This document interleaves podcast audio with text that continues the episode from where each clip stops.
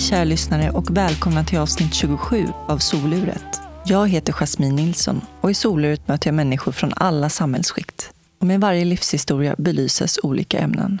Jag är nyfiken på vad som formar oss till de vi är. Kan en avgörande händelse påverka eller definiera människa? Eller är det årsringarna som formar oss? Hur påverkar miljöer och människor oss?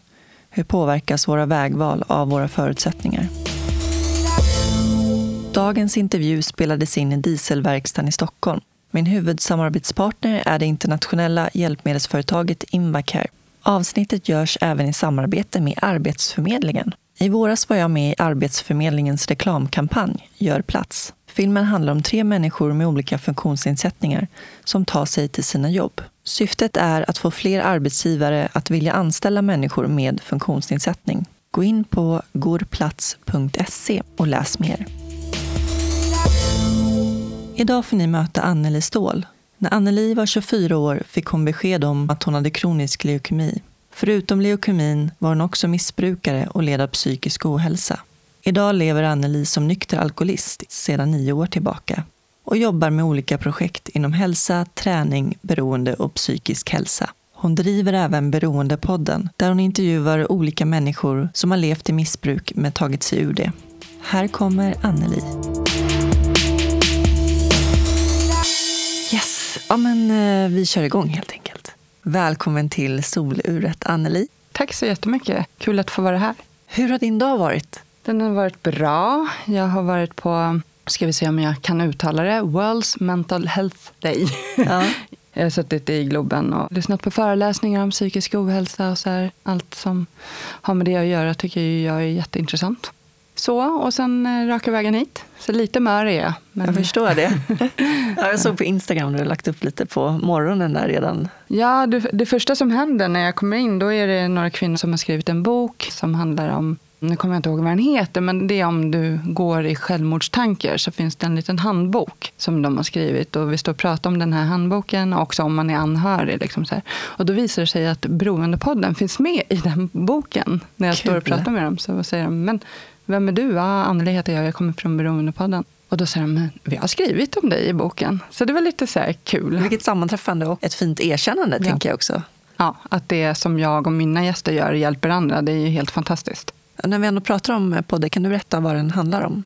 Det är en podcast om psykisk ohälsa och beroendeproblematik. Så den är ju rätt så bred, alla olika sorters beroende. Så det kan ju vara spelberoende, vi har sex och kärleksberoende, alkohol, droger, ja allt pratar vi om och medberoende. Och mycket kriminalitet pratar vi om, eh, vägen ur. Och jag intervjuar ju personer då som berättar sin livshistoria, hur det var, vad som hände och hur det nu är. Och eh, de flesta jag har med har ju liksom, deras liv idag ser ju bra ut och kan också då ge hopp till de som lyssnar och mm. liksom visa lite vägen. Den heter Beroendepodden, men vi pratar om mer än bara beroende i podden. Så. Och så har du egna erfarenheter också som jag tänker måste vara viktigt också för gästerna att känna ett förtroende ja. för dig. Ja, men så är det ju absolut. Och sen driver du även eh, Swimrun-podden. swimrun. Och då tänker säkert folk så vad är swimrun? Några, ja, exakt. Det är en sport som kommer från Sverige.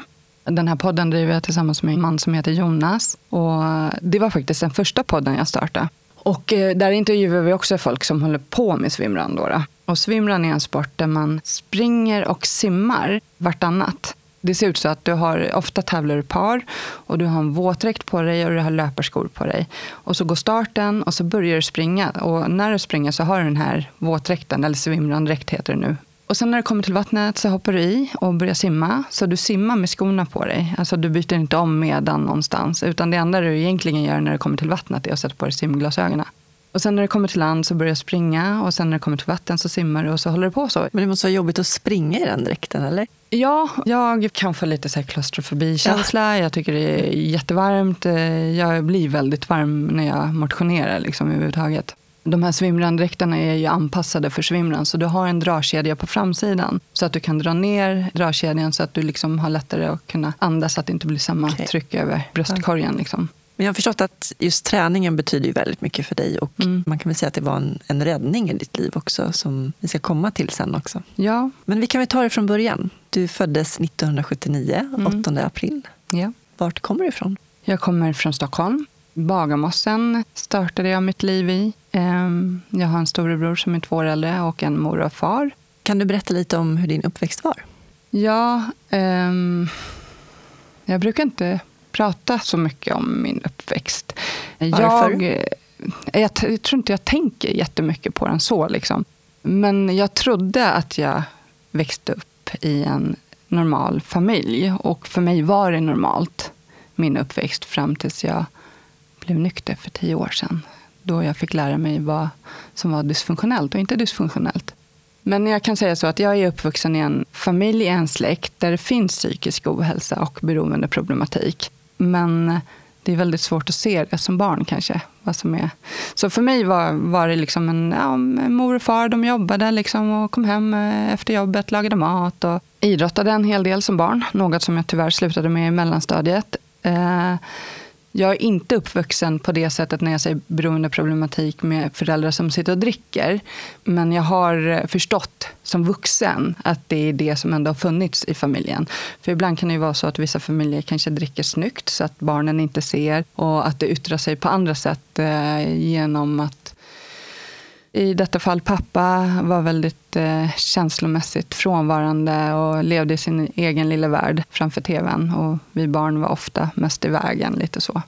Um, nej, men alltså jag tyckte att min uppväxt var... Jag hade ingenting att klaga på egentligen förrän jag själv blev nykter och mm. förstod att den var rätt så dysfunktionell på olika sätt och vis. De har gjort det de har kunnat. Det de har blivit lärda själva från sina egna uppväxter. Men samtidigt så tyvärr så har jag ju, jag har ju alltid fram tills jag började jobba med mig själv haft väldigt låg självkänsla.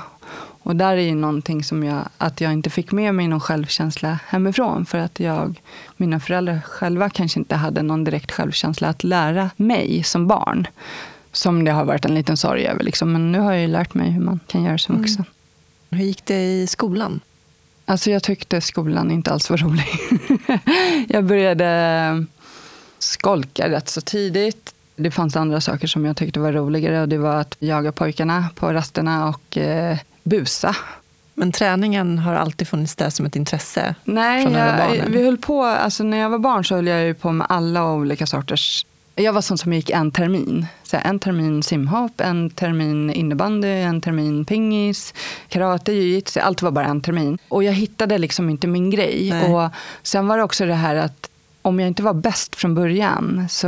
Då var det inte roligt längre. Nej, lite så. Jag förstod inte att de som var bäst kanske hade tränat rätt så mycket för att bli bland de bästa. Jag höll på med fotboll i några år. Det var väl det jag höll på med längst. Men vi flyttade från Bagarmossen till Hornstull när jag gick i um, fyran. Och då slutade jag med all idrott. Helt, faktiskt. Och sen tog jag inte upp det förrän jag var 28, mm. 29.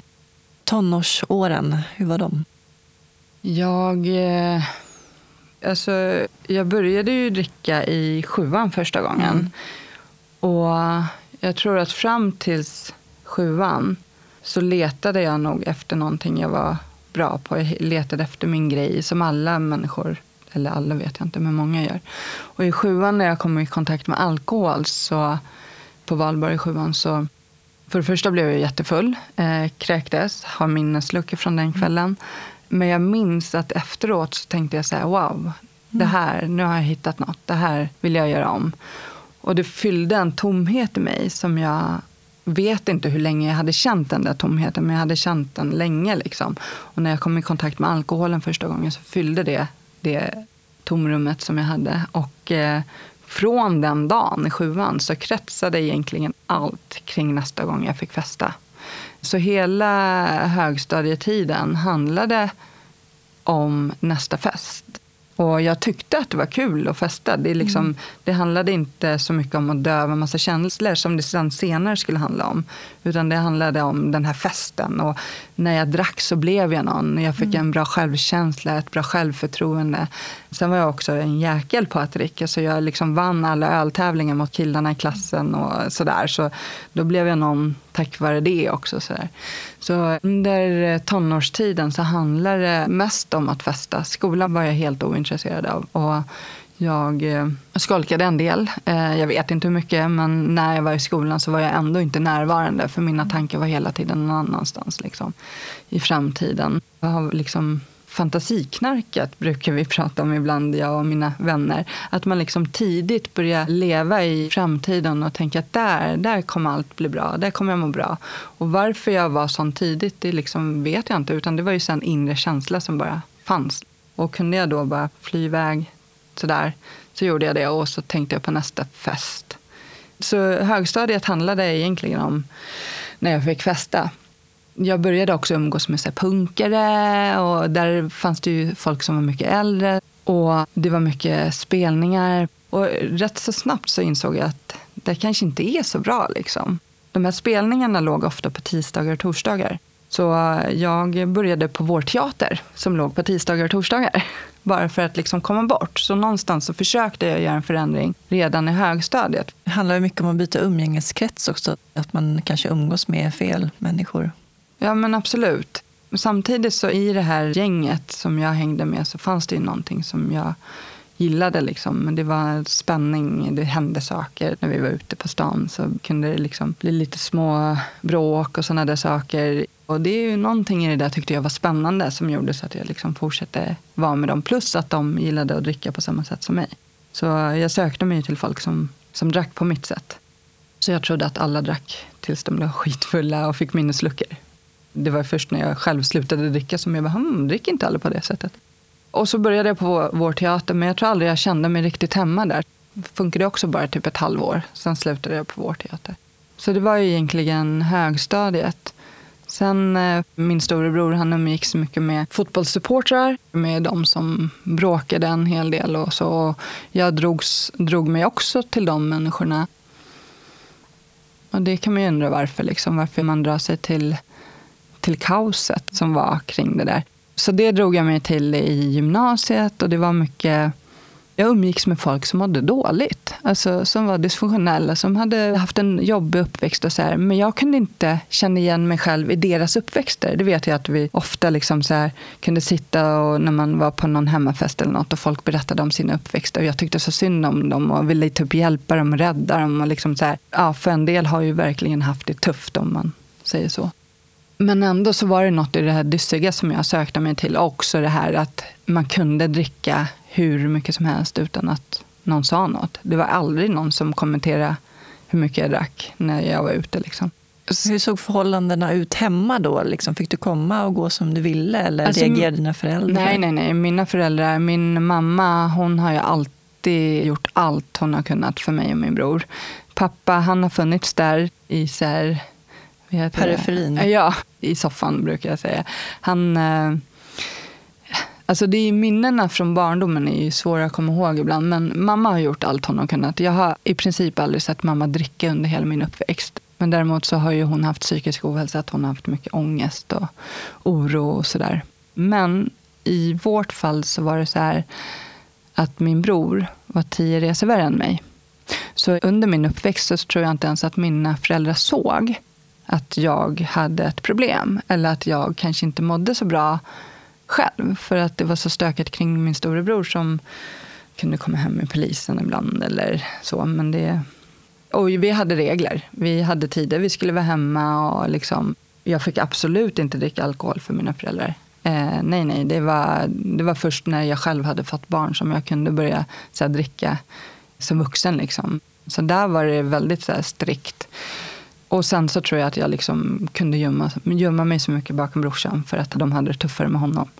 Så de såg inte mig på det sättet mm. som jag kanske ville.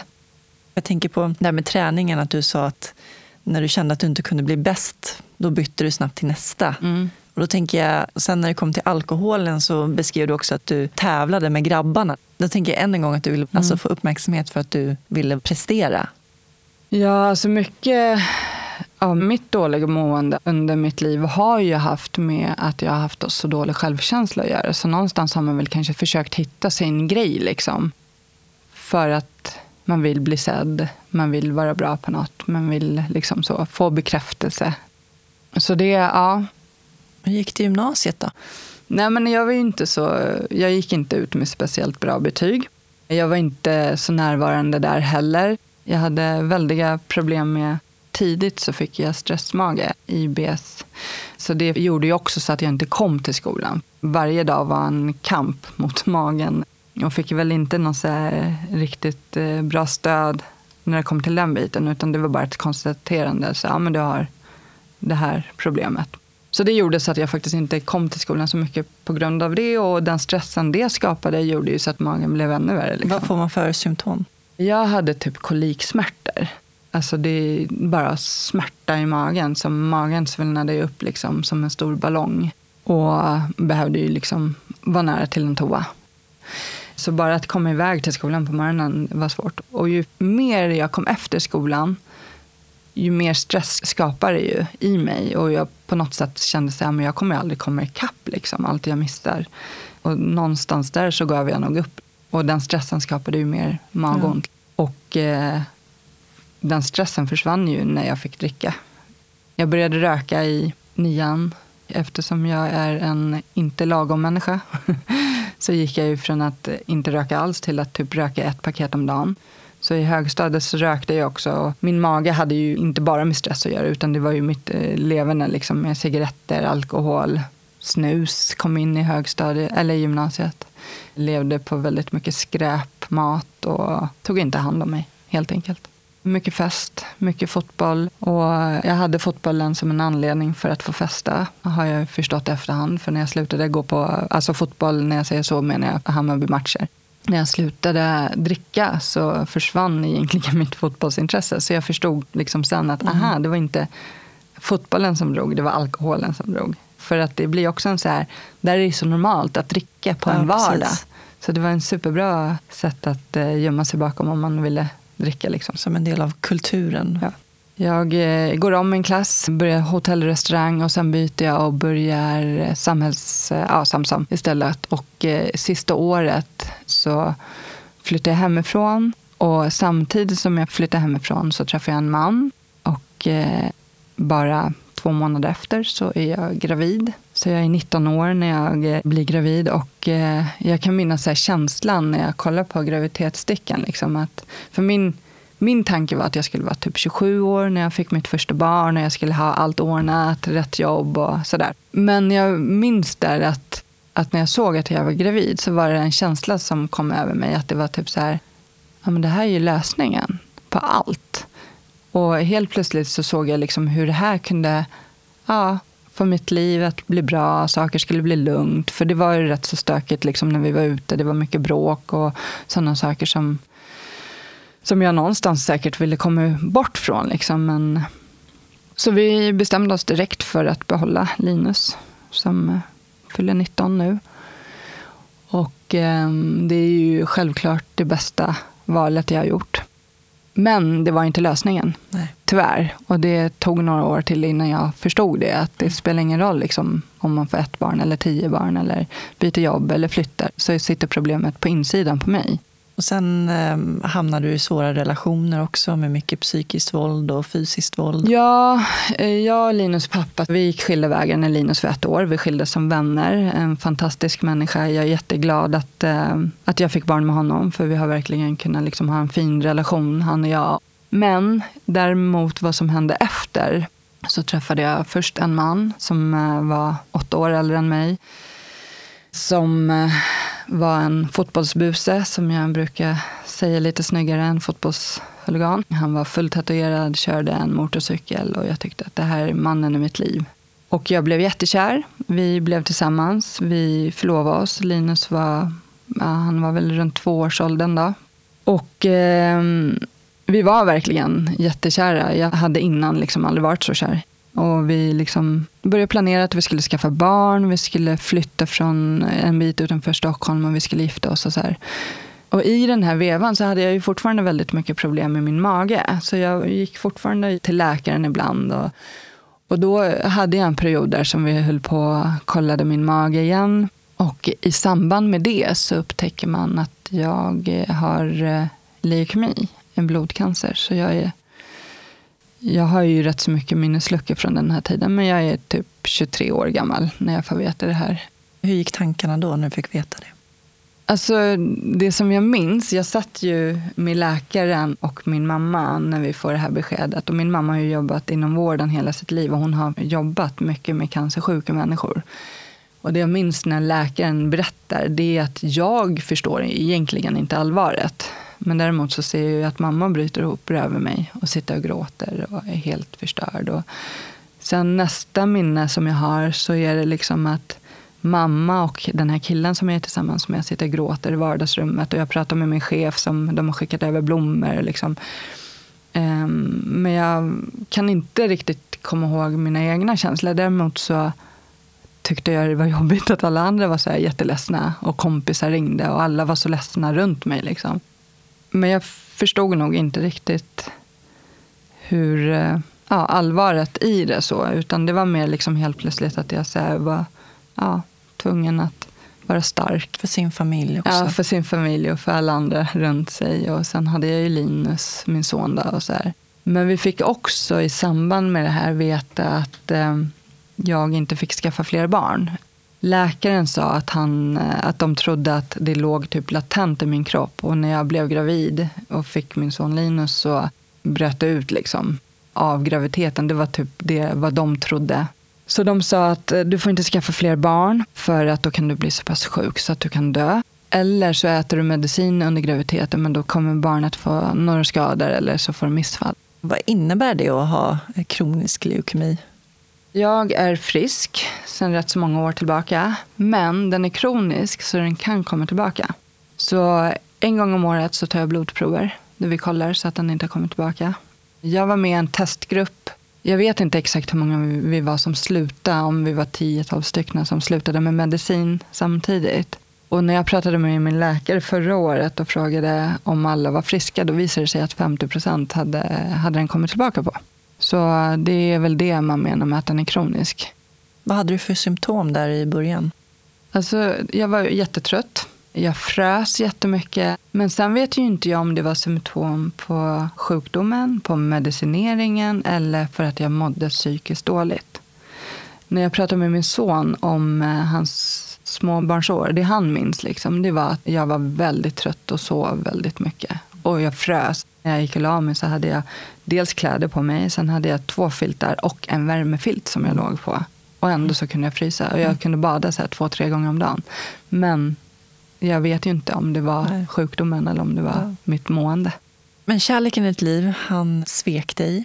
Ja, alla våra drömmar som jag och den här mannen hade gick ju i krasch där. För vi, det, liksom, det var barn vi skulle ha tillsammans. Liksom. Och vi blev besatta i, i det. Vi satt och kollade om vi skulle adoptera eller om vi skulle... Eh, vi började prata om surrogatmammor, hur kunde vi gå tillväga? Och, så här, och båda blev ju vi blev ju jätteledsna. Liksom, att vi, vi ville ju så gärna ha ett barn. Och så fick jag ofta höra så här, men du har ju ett barn, var glad för det. Och det var jag ju. Jag är världens gladaste att jag har Linus. Men det var en jättestor sorg att inte vi kunde skaffa ett barn. Och det som hände då, han kunde inte hantera det här, så han träffade en annan kvinna bakom min rygg. Och jag kom på honom en dag. Han eh, det var ju hans sätt att hantera situationen. Det var ju att träffa någon ny. Och när jag kom på honom så sa han det. Jag kommer aldrig glömma det. Det var liksom så här, men du måste förstå mig. För du kan ju faktiskt inte ge mig ett biologiskt barn. Du vet. Och det där sitter fortfarande uh. så 20 år senare. Liksom. Det är så eh. elakt. Samtidigt så kan jag förstå honom också, liksom, att han ville så gärna ha barn. Men jag hade gett honom ett ultimatum när jag fick veta att jag var, var sjuk och att ja. jag inte fick skaffa fler barn. Så sa jag det att jag förstår om du vill lämna mig. Om du vill liksom träffa någon som du kan skaffa barn med. Men då vill jag att du gör det nu, inte sen. Så det var väl det som kanske var det här Precis. dubbla sviket, att det kom ja. ändå. Liksom. Det som händer då, och det har ju inte bara med det att göra, utan det har ju säkert med massa saker i mitt liv som har hänt under liksom hela livet. Det är ju i alla fall att jag totalkraschar går in i en depression. Och jag förstår ju idag att jag gick in i den där depressionen på grund av sorg.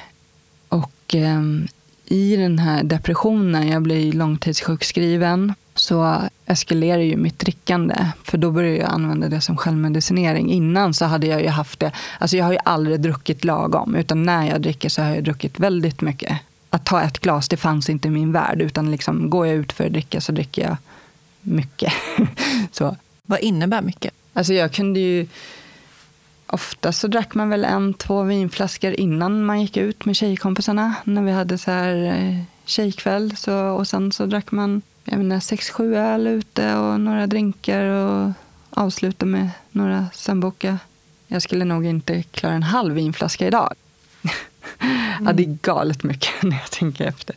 Men då började jag i alla fall gå från att eh, vara en festdrickare till att självmedicinera. Liksom. Så jag började dricka på kvällarna för att kunna sova. Läkarna erbjöd ju mig annat. När jag liksom berättade hur jag mådde så var det liksom, ja men vi, du kan väl få något att sova på, typ så. Men jag var livrädd för tabletter. Det, det förstod jag att det ska jag inte ta. Men jag drack mig till sömns. Och det här är ju sånt som min son inte heller har sett. För jag har ju gjort det när han har gått och lagt sig. Liksom. Han var ju så liten så han fick ju gå och lägga sig jättetidigt. Så han har inga minnen alls med en mamma som har druckit. Men sen i den här depressionen så träffar jag en ny man. Det visade sig rätt så snabbt att han var väldigt sjuk. Han var narkoman och eh, psykopat. Han lever inte idag. Han dog av sitt missbruk. Han började ju som sagt förstöra mig rätt så snabbt. Jag var ju redan, alltså jag var ju redan på botten. Jag trodde inte man kunde må sämre.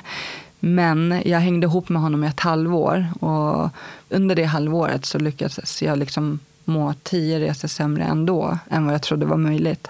Och han eh, slog mig, låste in mig, var psykisk, alltså mycket psykisk misshandel, kallade mig saker.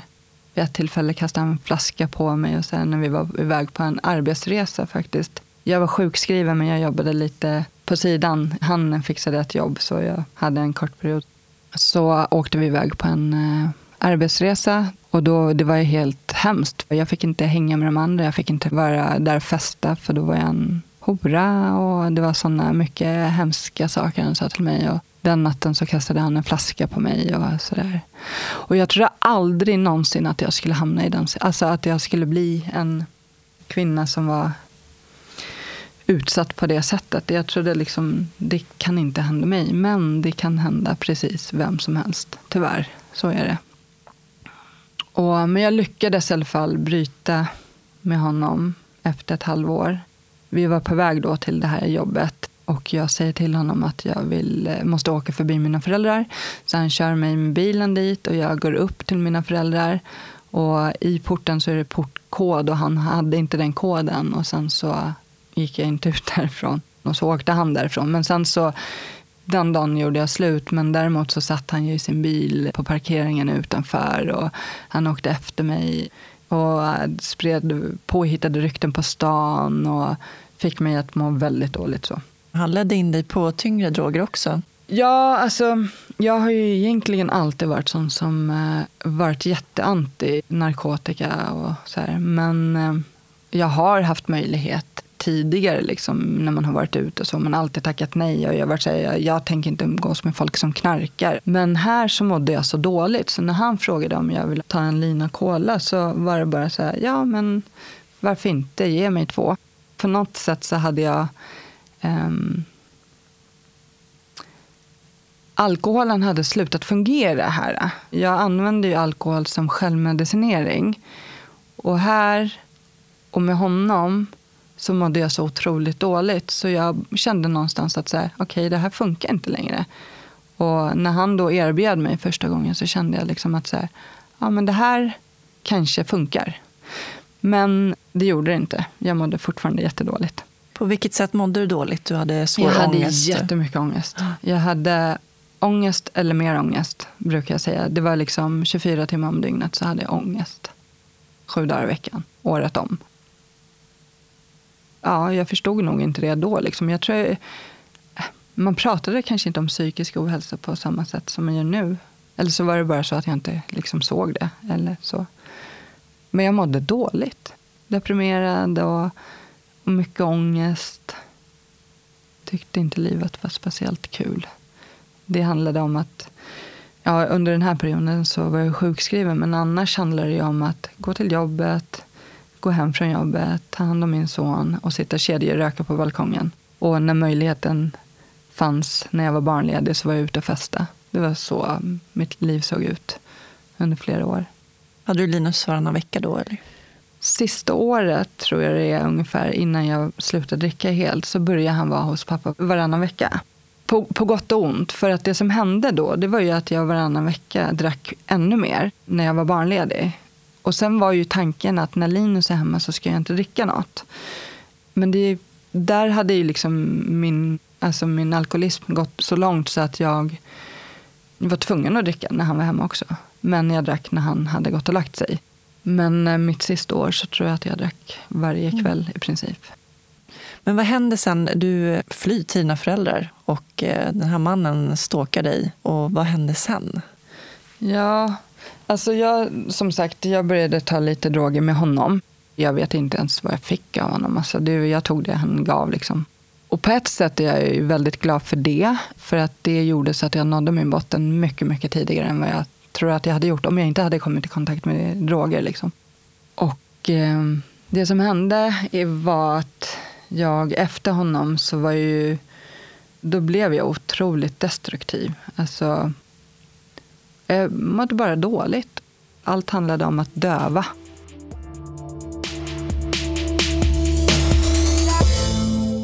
Nu sitter jag här tillsammans med min samarbetspartner Invacare och har Mikael Forsman här. Hur är läget med dig? Tack, det är bara bra Jasmin. Det är alltid trevligt att träffa dig och få sitta och prata med dig. Ja, fint. Detsamma. Vad gör du för någonting här på Invacare?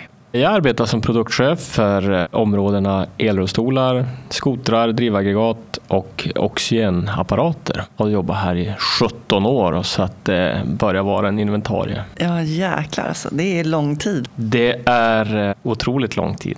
Vad är det bästa med ditt jobb? Det bästa med mitt jobb är att jag är en enorm tävlingsmänniska. Jag gillar försäljningsprocessen väldigt mycket, det gör jag. Men samtidigt så gillar jag också den här blandningen av eh, försäljning, förskrivningsprocesser och den förståelse man behöver ha för den som använder våra produkter. Så det handlar inte bara om att sälja utan det handlar om att ha en förståelse och vilket behov och vilken funktion som man faktiskt gör nytta med. Och den mixen är väl det bästa. Vad har ni för nya produkter på gång? Vi har ju nya produkter som kommer mest hela tiden känns det som. Men för min del så är det ju framförallt nya Emotion drivhjul som man sätter på manuella rullstolar som hjälper till att avlasta axlar, hjälpa till att driva en rullstol framåt. Som bland annat jag använder och är supernöjd. Det är kul att du tycker det. Det är ett fantastiskt hjälpmedel, verkligen. De eh, brinner jag för. Särskilt när man har nedsatt funktion i armar och händer så blir man ju betydligt mer självständig. Annars så hade jag ju behövt mycket mer hjälp med att ta mig fram med rullstolen. Exakt. Främst som du säger när man har den nedsättningen i händer men också många rullstolsbrukare tenderar att få lite förslitningar i axlar också så att det ger en viss avlastning även där. Det är ju en riktigt snygg design på de nya. Det går framåt. Tack så jättemycket Micke. Tack själv. Och ha en fortsatt trevlig dag. Detsamma.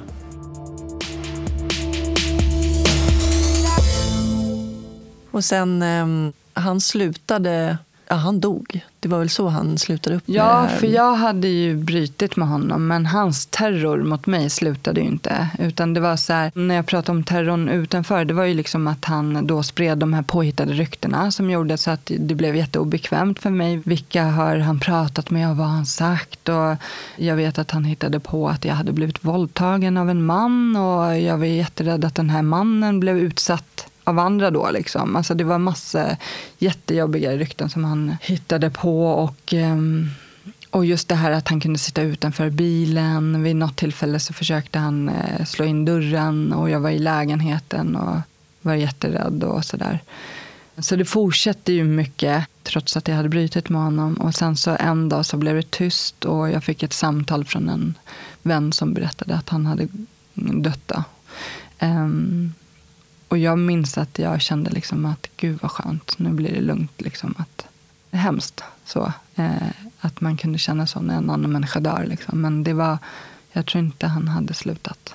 Alltså det pågick så lång tid efter det tog slut. Han hade till och med träffat en ny kvinna och ändå så fortsatte han liksom på massa olika sätt att psyka mig. Så det är jättetragiskt. Eh, men eh, därefter så alla de här små grejerna som hade hänt i mitt liv hade ju gjort så att jag helt plötsligt tyckte att jag var...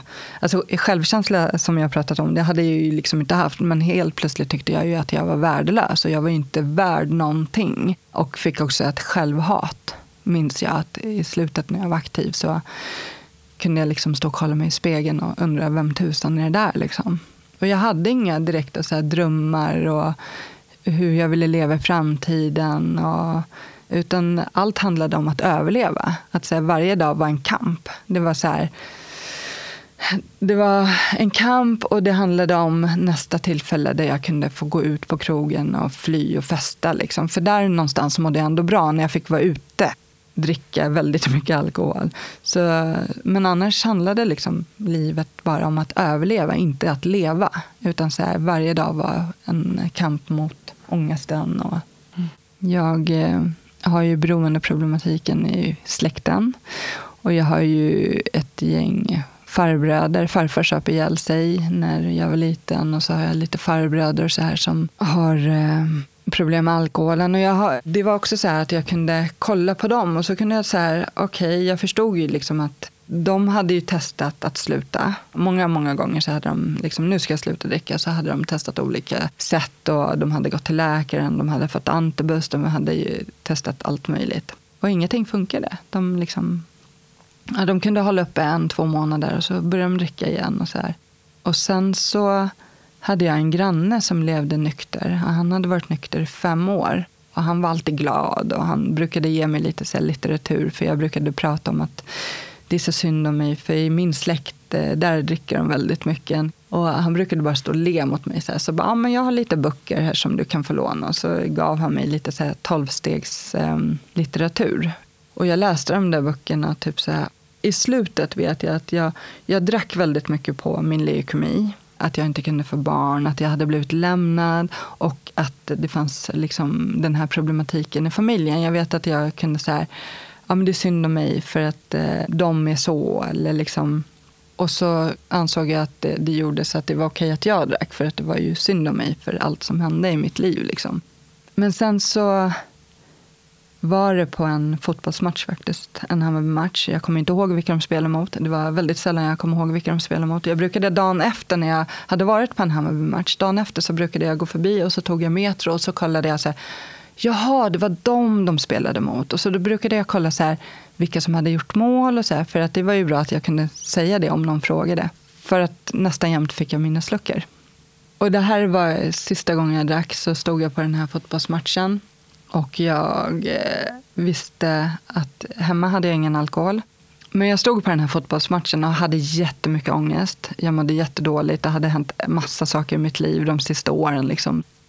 Jag skulle åka hem efter den här matchen. För mina kompisar skulle inte gå vidare. Och mina pengar var slut och det fanns ingen alkohol hemma. Och det, var, alltså, det var så sjukt jobbigt minns jag. För att jag kunde liksom, jag, det fanns så mycket mer som jag ville döva. Men jag hade inget att döva det med. Liksom. Och så skulle jag behöva åka hem med de där känslorna, ångestkänslorna i mig till ett hem där jag var själv, för min son var hos sin far. Och, och hade liksom inget att fly med.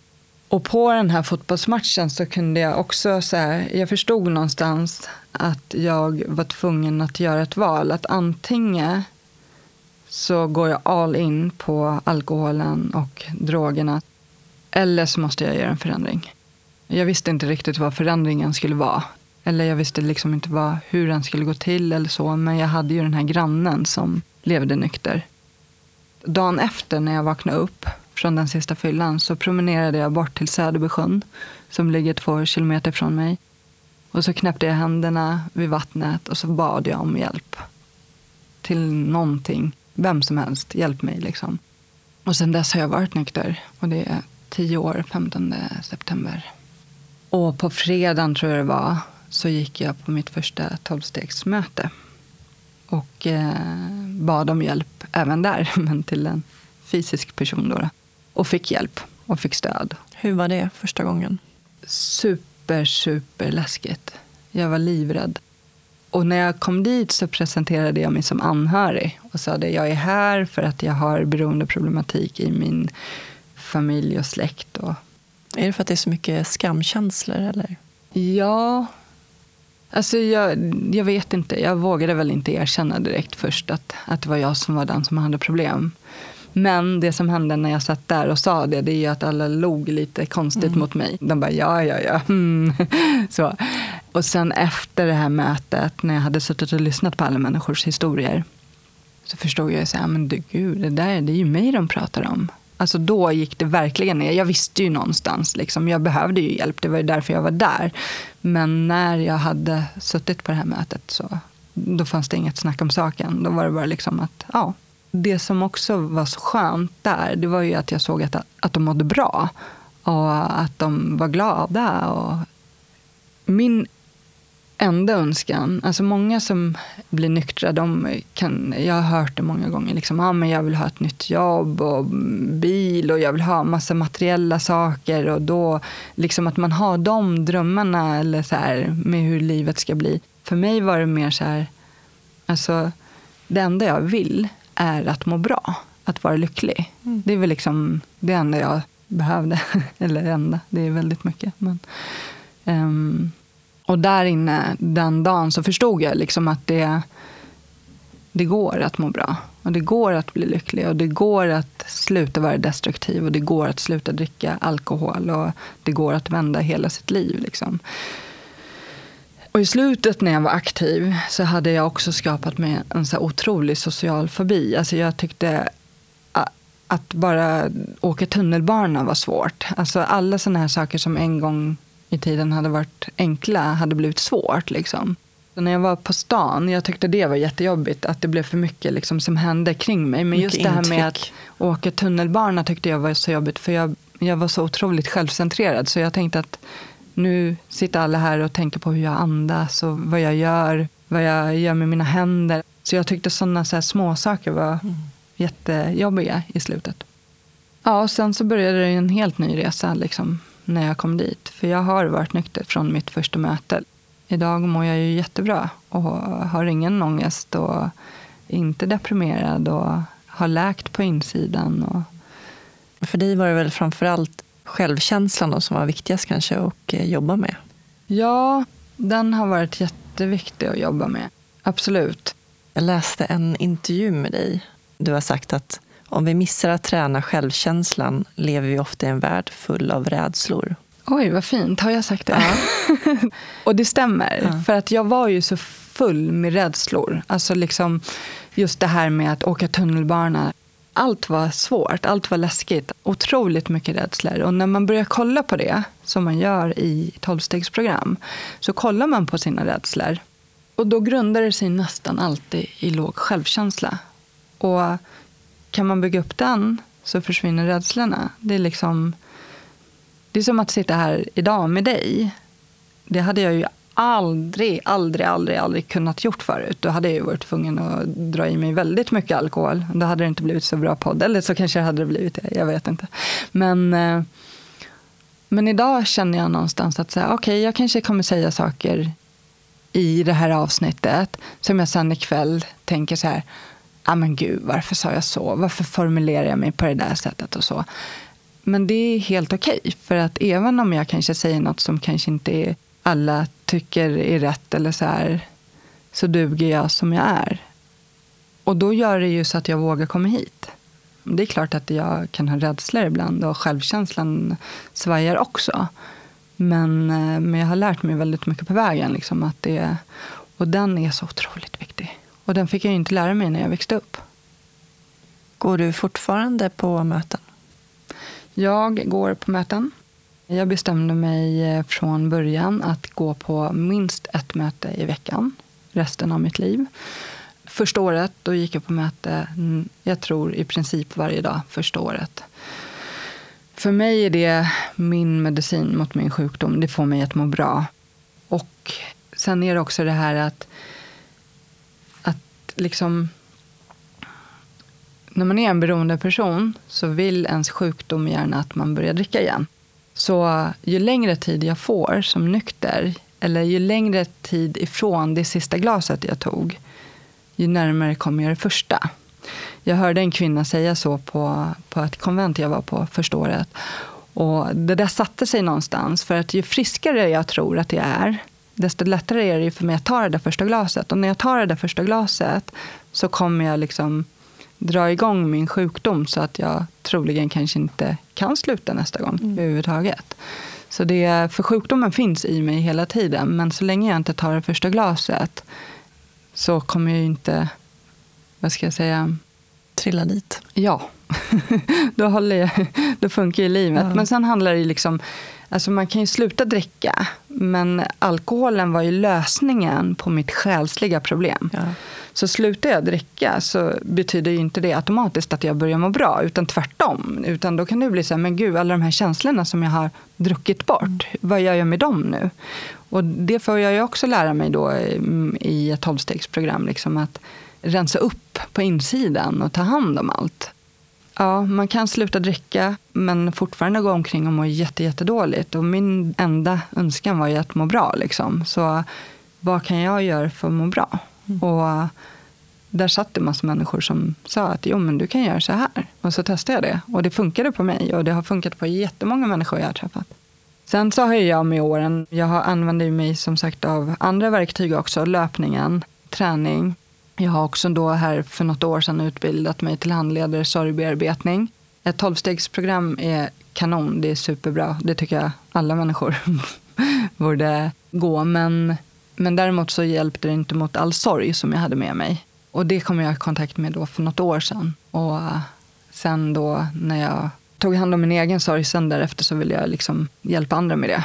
Så. Jag tycker det var jätteintressant. Jag läste det att du var certifierad sorgebearbetare. Jag hade aldrig hört det tidigare. Mm. Vad får man lära sig då? Man får, får lära sig mycket liksom om vad sorg är, hur man bemöter andra i sorg och hur man kan ta hand om sin egen sorg. Och att förklara det så här snabbt är rätt så svårt. Men man går igenom ett eh, förlustdiagram över sitt liv och så kollar man över liksom allt. Vad har varit den svåraste sorgen för dig? Och det är också svårt faktiskt. Jag har eh, en sorg som är en av de största för mig. Det är ju att jag under min sons uppväxt inte kunde vara närvarande som mamma för att jag mådde så dåligt. Jag var där i fysisk form, precis som min pappa har varit med mig. Men jag var inte där alltid känslomässigt eller närvarande när vi gjorde saker. När vi satt och spelade spel så var jag liksom i min egen tanke någon annanstans, ofta i framtiden. Det har varit en jättestor sorg för mig. Liksom att jag eh, skulle gärna ha spolat tillbaka bandet och fått göra om allt att, och verkligen vara närvarande hela tiden. Däremot så har jag kunna vara det nu, sen jag blev nykter. Och det är ändå tio år, det är halva hans liv, så det får jag ju vara jätteglad för. Liksom. Men det är en sorg att jag liksom mådde dåligt under hans uppväxt och inte kunde vara där på det sättet som jag hade velat. Och en annan sorg är ju då min pappa som inte har sett mig. Det är en sorg. Och ofta tänker folk när man pratar om sorg att det är ett dödsfall eller en separation med någon man har varit tillsammans med i 30 år. Men det är så mycket mer än det. Och det är det jag förstod för några år sedan. Att det handlar om så mycket mer. Och sen är det ju det som påverkade mitt liv väldigt mycket. Det var ju när jag fick veta att jag hade leukemi, inte kunde få barn. Och den här mannen var otrogen. Det är ju en jättestor sorg i mitt liv. Och det var ju också där jag kraschade och gick in i en depression som var på grund av sorg. Jag hade ju inte hamnat i depressionen om det inte vore för det, liksom, sorgen. Och det kom upp till ytan för några år sedan när jag bröt foten mitt under tävlingssäsongen som löpare. så då kom allting upp som okay. var liksom i mig. Ja, då var du kanske redo också att liksom ta in det, mm. tänker jag. Jo, men så absolut. Då hade du ändå men det var ju ganska snabbt väl efter att du hade börjat med tolvstegsprogrammet som du kom igång med träningen också. Mm. Du liksom satte ganska snabbt mål på vad du ville uppnå med träningen. Att, eh, det första målet var vårruset, mm. fem kilometer. Ja, när jag slutade dricka så började jag gymma direkt. Men så ville jag ju börja springa. Eller rättare sagt, jag ville sluta röka. Eh, jag rökte ett paket om dagen. Fastän jag hade slutat dricka så rökte jag ett paket om dagen och jag snusade. Och sen så hade jag försökt sluta röka jättemånga gånger och inte lyckats. Alltså om och om igen. Jag hade fått receptmedicin mot rökning och jag hade testat allt. Plåster och tuggummi. Så, så bestämde jag mig för att om jag inte lyckas sluta röka innan jag fyller 30, då kommer jag sluta försöka att sluta röka. Så det var så här, om jag inte slutar innan 30 så ger jag upp. Då fortsätter jag röka hela livet. Två veckor innan jag eh, fyllde 30 så testade jag att sluta röka igen. Och den här gången så började jag springa som en ersättning för cigaretterna. Och då satte jag upp första målet, då, vårruset. Det här var i mars och vårruset i maj tror jag att det är. Så jag hade ju kanske en och en halv månad på mig att träna till vårruset och det var fem kilometer. Och när jag började springa så orkade jag ju knappt en kilometer utan att behöva gå. Alltså min hälsa, eller min fysik var ju helt körd i botten. Så i alla fall bestämde jag mig för vårhuset och så tränade jag inför den. Eh, det var väl så här, tre kilometer här och tre kilometer där och sen så står jag på startlinjen och eh, startar då vårhuset och eh, springer hela loppet och tar mig i mål. Och det är så långt och så jobbigt tycker jag. Men jag är världens gladaste när jag kommer i mål, liksom, som har klarat vårhuset. Det, är liksom, ja, det, det var så stort. Det var verkligen så stort. Och dels för att jag, alltså jag har ju haft så dålig självkänsla och självförtroende så jag trodde inte jag klarade något. Och helt plötsligt så klarade jag det här målet som jag hade satt upp. Så det var jättestort för mig att klara det målet. Och där började min resa som sen tog mig till ultralöpare. Mm. och swimrunners och har kört en del av de tuffaste tävlingarna inom swimrun som finns i världen. Men det började med att eh, jag skulle sluta röka. Och efter vårhuset så anmälde jag mig till Midnattsloppet, som är några månader efter. Och klarade Midnattsloppet. Precis samma känsla. Det var jättelångt, jättejobbigt och jag var jätteglad när jag klarade det. När jag kom i mål och insåg att jag, jag faktiskt klarade det. Liksom och anmälde mig samma kväll till eh, Stockholms halvmaraton som är en månad efter, tror jag. Så jag skulle gå från en mil till 2,1 mil. Och träna lite och eh, startar Stockholms halvmaraton och klarar Stockholms halvmaraton. Jag tar rygg på en kille som ligger ett så här rätt så skönt tempo. Så jag ligger precis bakom honom i 17 kilometer minns jag. Och sen efter 17 då orkar jag inte hålla hans tempo längre. Men springer då i mitt eget tempo resten av vägen in i mål. Kommer hem, jätteont i hela kroppen, sätter mig framför internet och anmäler mig till Stockholms, äh, Stockholms maraton som är på våren där. Och men då inser jag ju att nu kanske jag behöver lite mer hjälp. så jag går med i en löpgrupp, Team Stockholms maraton. Och tränade på jag tror att det var så åtta veckor innan Stockholms maraton så går jag och stukar foten jätte, jättekraftigt. Och tänker nej, jag kommer inte kunna starta och blir jätteledsen för jag har ju liksom tränat hela vintern. Men sen så, så hinner väl foten bli någorlunda bra så jag startar. Och det här året är det ju 2010 då är det jättevarmt. Det är typ 30 grader varmt när jag kör mitt första maraton. Och det, var, det var vidrigt, den värmen, minns jag. Men eh, min mor och min son står längs banan och hejar och jag springer och jag klarar Stockholms maraton. Och det var, eh, alltså det var så stort. Det är liksom, jag som inte hade tränat för det första sedan jag gick i, ja, när jag började, flyttade där mellanstadiet, då slutade jag med allt. Och så började jag träna som 29-åring och sen klara ett maraton på ett år. Hur lever du ditt liv idag? Alltså jag har ju ett fantastiskt liv idag, verkligen. Jag började ju där med löpningen och så fick jag ju höra talas om triathlon och då Ironman-distansen som är den längsta som är 3,8 kilometer simning, 18 mil cykling och ett maraton. Och bestämde mig liksom att det där, det vill jag göra. Fast jag kunde inte simma, eller jag kunde simma, men jag bröstsimma, jag kunde inte kråla. Och jag kunde inte, jag hade inte cyklat sedan jag var litet barn liksom.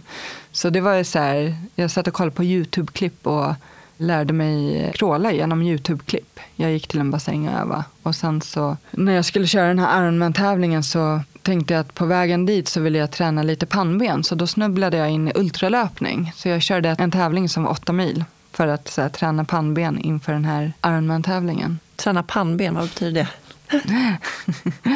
ja, det betyder att eh, ska jag köra en Ironman-tävling, som är, när man räknar ut hela distansen så blir väl det ungefär 23 mil eller något.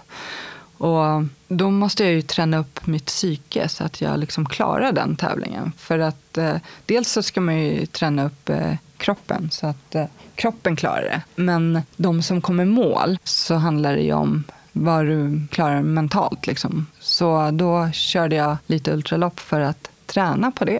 Dina tankar kommer vilja säga till dig, eller så är det för mig i alla fall, att vad tusan håller du på med? Så här, kliv av, gå härifrån efter några mil när det gör ont i hela kroppen och så här. Och då gäller det liksom att ta sig förbi de där tankarna och hur man ska tänka och så. Så jag körde lite ultralopp inför den här tävlingen. Det tänker jag att man kan applicera i mycket också. Ja, men jag tror att eh, tack vare de här tävlingarna som jag har klarat, det hjälper ju mig jättemycket mm. i allt jag gör. Det kan jag tänka alltså, mig. Liksom att hela tiden det här mentala, hur tänker jag kring saker och ting? Det är ju superviktigt. Liksom. Om man vaknar på morgonen och säger att den här dagen kommer gå åt helvete. Ja. Bara där så har man ju liksom ja. egentligen bestämt sig för hur dagen ska gå. Så den mentala träningen, exakt bygga pannben, det är ju en mental träning. Den är ju superviktig.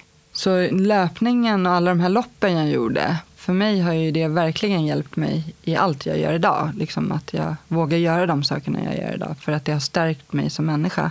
För jag är ju uppvuxen och har alltid haft negativa tankar. Jag kan inte, det kommer inte gå, du är värdelös. Alltså alla de här tankarna. Idag så är det ju tvärtom. Att jag tänker ju positiva tankar om mig själv att jag är fantastisk, jag är stark, jag fixar det, jag kan göra vad som helst. Och, alltså, allt är ju förändrat. Men det är ju en färskvara, det är liksom någonting jag måste öva på varje dag. Liksom. Så det har ju tagit ändå rätt så många år att ändra på mina tankar.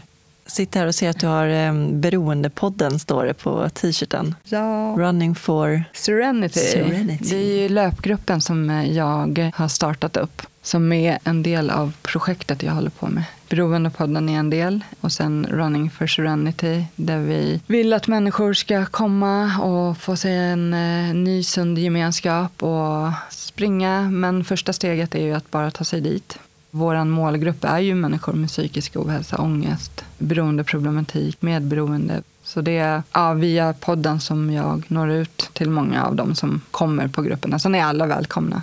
Vi som är ledare i löpgruppen har alla egen erfarenhet av psykisk ohälsa eller beroendeproblematik och okay. har också då löpning som ett av våra verktyg för att få ett bra liv.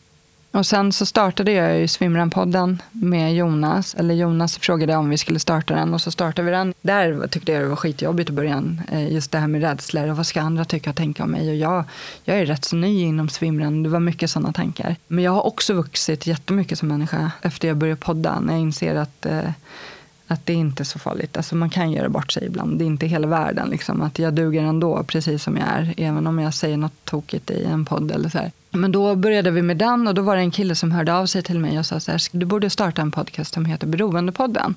För jag har ju ändå varit öppen med min historia. Och det finns flera orsaker till det. Jag har ju blivit kontaktad av tidningar och så, och där de vill att jag ska berätta min historia. Och då är det liksom dels för att jag vet att min historia förhoppningsvis, eller att den hjälper andra. Men också för att stänga dörrarna. Alltså, ju mer öppen jag är om min historia, ju svårare kommer det bli för mig att ta ett återfall. Alltså jag har jättemycket respekt för den här sjukdomen, för jag ser så många som börjar dricka igen efter väldigt många år. Så det är ett sätt att skydda mig själv också, att mm. vara lite offentlig med, med min sjukdom. För jag skulle inte kunna gå in på systemet idag, för jag skulle säkert springa på någon utanför. Så skulle man behöva förklara varför man är där. Så det är ett sätt för mig att stänga dörrar också. Men då var det den här killen som tyckte att jag skulle starta en podcast som heter Beroendepodden och jag tyckte att han var helt galen. Jag bara, aldrig. Jag tänker inte sitta i podden. Nej, nej, nej, nej, nej. Det vågar jag inte. Vad ska jag säga? Och så här. Men sen insåg jag ju det rätt så snabbt att jag hade ju aldrig, aldrig varit nykter om det inte vore för människor som vågade berätta sin historia och sen vel, velat hjälpa mig när jag bad om hjälp. Så då kände jag så någonstans att ja, men det kan funka om jag intervjuar andra så de får berätta sin historia. Och på den vägen är det. Och jag älskar att podda och jag insåg rätt så snabbt att podden faktiskt förändrar liv. Alltså den hjälper väldigt mycket människor. Och jag får otroligt mycket mejl och folk som hör av sig. Jag springer på folk på stan och på tolvstegsmöten. Jag har sprungit, vid tre tillfällen så har jag sprungit på folk på tolvstegsmöten som är på sitt första möte på grund av podden. Alltså, det är ju otroligt. Ja, det är så här. Och jag kan fråga så här, kommer det från någon behandling eller hur har du hittat hit? Ja. Liksom? Nej, men jag har lyssnat på din podd faktiskt. Och då insåg jag någonstans att jag kan inte sluta med det här. Alltså, den måste ju finnas kvar. Och det gör den ju. så får vi se vart det bär med tiden. Liksom. Men ja, det en finns... livsviktig podd. Ja, verkligen. Så jag tackar min, jag brukar skriva till han som kom på förslaget ja. att starta Beroendepodden att ja, det är tack vare dig. Ja. så det, jag är jätteglad för det. Jag är glad att kunna få hjälpa andra människor. Att kunna använda min historia, även om det kan vara lite jobbigt att berätta den ibland. Men att kunna använda det man har varit med om och hjälpa andra. Jag vill någonstans tro att allt som jag har varit med om, att då kunna vända det till något bra istället. Vad står det på din eh, arm förresten? Du har en tatuering där på vänster underarm. Ja, jag har många tatueringar. Jag tror jag har åtta tatueringar. Ja. memento vivere, memento mori som betyder kom ihåg livet, kom ihåg döden. Om min bror hör det här så blir det första gången han hör det. Men det var, han har ju sett den här tatueringen i många, många år. Men han vet inte varför den finns där. Det är inte många som vet. Men det var faktiskt en eh, period som han mådde väldigt dåligt. För väldigt många år sedan. Som en natt där han kontaktade mig och sa att han inte ville leva längre. Um, och uh, efter det så gjorde jag den här tatueringen. Behöver inte berätta detalj om vad som hände den natten, men den var jobbig. Och höra från sin bror att man inte vill leva längre. Ehm, han eh, har varit nykter i väldigt många år, men han lever ett jättebra liv och han mår jättebra idag. Men som sagt, det är inte bara jag i min familj som har mått dåligt. Så därför finns den på min arm, för att påminna mig om att ta vara på livet. Jag tänkte komma in på standardfrågorna. Vad innebär det för dig att vara människa? Jätte, jätte, jättesvår, verkligen. Men det jag kommer på, det är att ta ansvar för mitt eget liv. Att ta vara på mitt liv. Vad gör dig till en bra människa? Det tänker jag mycket på. Jag tänker mycket på hur jag vill vara som människa. Det tänker jag på dagligen. Så är det så här, innan jag går hemifrån varje dag så brukar jag tänka så här, vad kan jag göra idag för att hjälpa någon annan? Eller vad kan jag göra idag för att vara en bättre människa? Jag strävar inte efter att vara ett helgon eller att vara perfekt, för det kommer jag aldrig bli och det vill jag nog inte ens vara. Men däremot så vill jag lämna bra fotspår spår efter mig på den här planeten när inte jag finns kvar. Och så brukar jag tänka mycket att hur vill jag att folk ska komma ihåg mig? Och så försöker jag leva därefter. Genom att vara en bra medmänniska, genom att se dem som jag träffar på vägen och lyssna på dem. Och det ger mig också väldigt mycket att kunna vara en bra medmänniska. Vad betyder frihet för dig? Att inte vara slav under något beroende är frihet för mig. För jag slutade ju med alkoholen och drogerna och ciggen och snusen. Och så har jag betat av en sak efter en. Liksom. För jag var absolut inte fri förut. Och sen att kunna välja min egen väg. Idag har jag ju förstått att jag har val hela tiden. Och att kunna följa mitt hjärta, det är frihet för mig. Jag försöker skapa mitt liv på det sättet som jag vill leva. Och det är ju liksom i frihet, alltså att jag hela tiden har val. Men ibland så kanske det känns som om man inte har det. Men oftast så finns det en annan väg att gå. Så det är frihet. Och att inte vara rädd, som jag var förut. När grät du senast? Faktiskt för två veckor sedan. När jag satt i köket med en kvinna som har blivit utsatt för våldtäkt, grov våldtäkt. Då grät jag, när jag fick höra hennes historia. Jag gråter inte speciellt ofta och jag får höra väldigt mycket historier. Det är liksom min vardag. Men då grät jag. Vad gör dig arg? Och där kommer ju svaret på den frågan. Det gjorde mig otroligt arg. Och det är någonting som gör mig arg, ledsen. Jag vet inte, jag tänkte på det på vägen hit. Arg, det är inte ofta jag är arg. Men jag kan nog ofta känna att jag blir ledsen för hur folk är mot andra. Som i det här fallet, att hon har varit med om det här. Det gör mig arg, men framförallt ledsen. Liksom. Jag kan bli ledsen och arg när jag tänker på hur vi människor förstör jorden. Så det finns några saker som gör mig arg, men jag tror att det övergår snabbt till att jag blir ledsen. Vad gör dig lycklig? Det är självklart att få vara med min son och få vara med, med mina nära och kära. Att få vara i naturen. Någonting som gör mig jättelycklig är att få vara vid vatten och gärna i vattnet. Där fylls jag av riktig lycka. Liksom. Också av att jag inser att jag är fri som människa. Jag har skapat mig ett liv där jag är fri. Det gör mig också väldigt lycklig. Känna den friheten. Vad drömmer du om? För tillfället så lever jag faktiskt i min dröm. Jag har som sagt eh, ett fantastiskt liv där jag håller på och jobbar med de sakerna som jag älskar. Jag har väldigt fina människor runt mig hela tiden.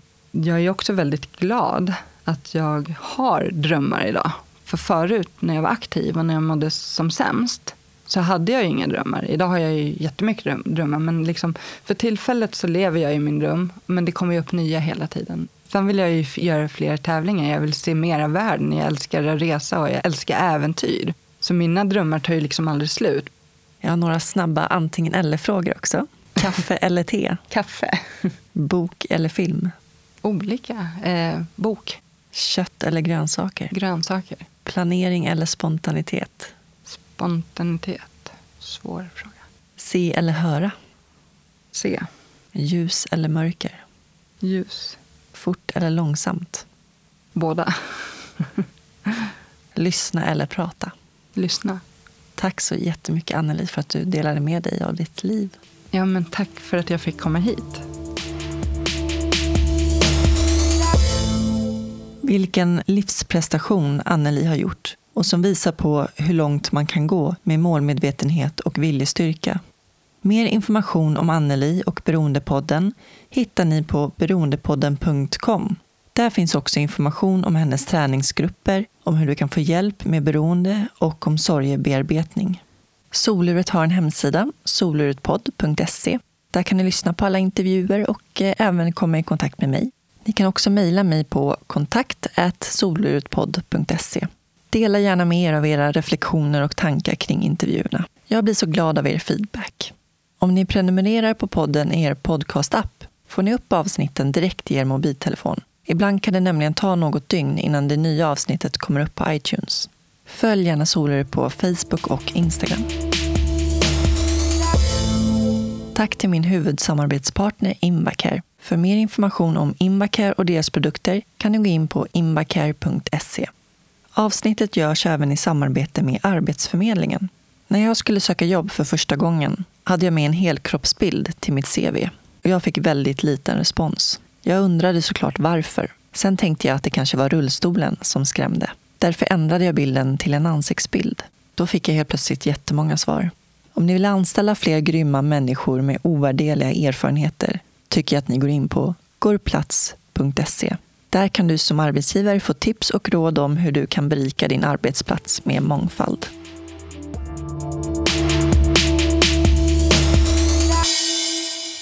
I nästa avsnitt får ni möta Torbjörn Svensson.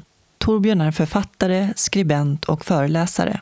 När han var 28 år fick han den livsomvälvande diagnosen Ushers syndrom, som är en kombinerad syn och hörselnedsättning. Vid det skedet i livet var han småbarnsfar och lastbilschaufför. Frihetskänslan som motorfordon gav honom skulle bli svår att leva utan. Nu kanaliserar han sina känslor istället genom att skriva. Avsnittet publiceras måndag den 26 november. Med tanke på dagens gäst avslutar jag med ett citat av Iben Sandemose. Sorg går inte över, den tar bara en annan form. En sorg är som havet. Till att börja med är vågorna väldigt stora. Sen kommer dyningarna, men havet blir aldrig mer stilla. Tack så mycket för att ni lyssnade. Hej då!